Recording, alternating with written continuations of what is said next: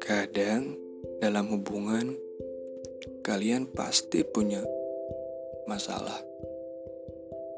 Entah itu masalah ego atau berbeda pendapat.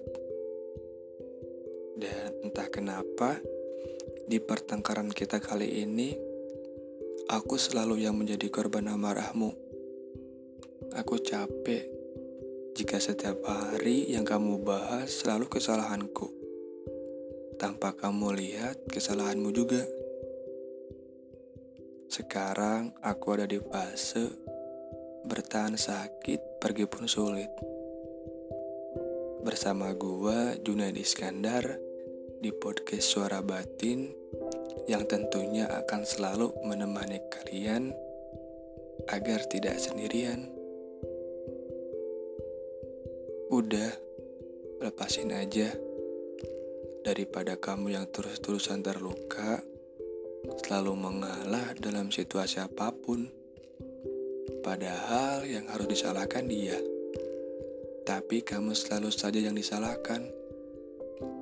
Padahal sudah semaksimal ini perjuangan ya.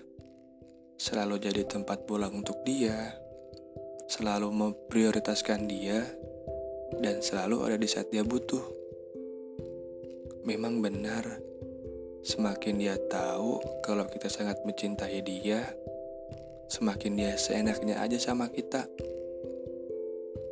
Mungkin orang-orang yang seperti itu harus merasakan kehilangan dulu, baru dia sadar.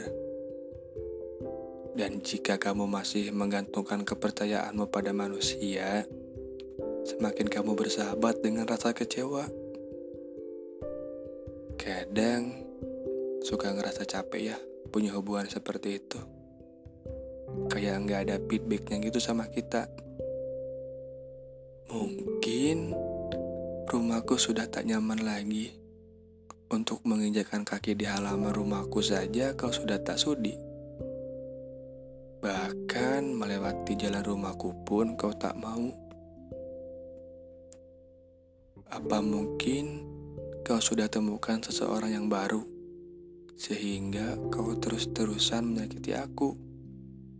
Jika benar begitu, maka sudahi saja hubungan ini. Aku tidak mau berbagi hati dengan siapa pun. Perihal cinta, biar semesta yang menjawab.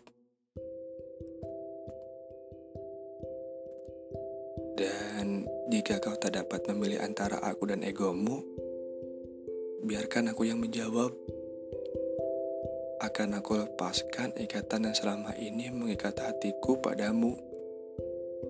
Akan aku ikhlaskan semua kenangan kita yang selalu menjadi imajinasiku untuk menemaniku terlelap.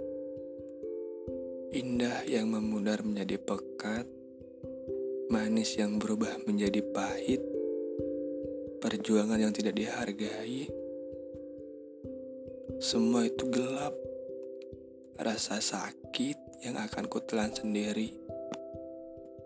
Dan jika memang ini yang terbaik, maka aku akan berdoa pada semesta agar aku dipertemukan dengan seseorang yang bangga memilikiku, yang tak mementingkan egonya sendiri, yang tidak melepaskan pelukannya di saat dunia mempercundangiku. Dan untukmu, semoga bahagia tanpaku.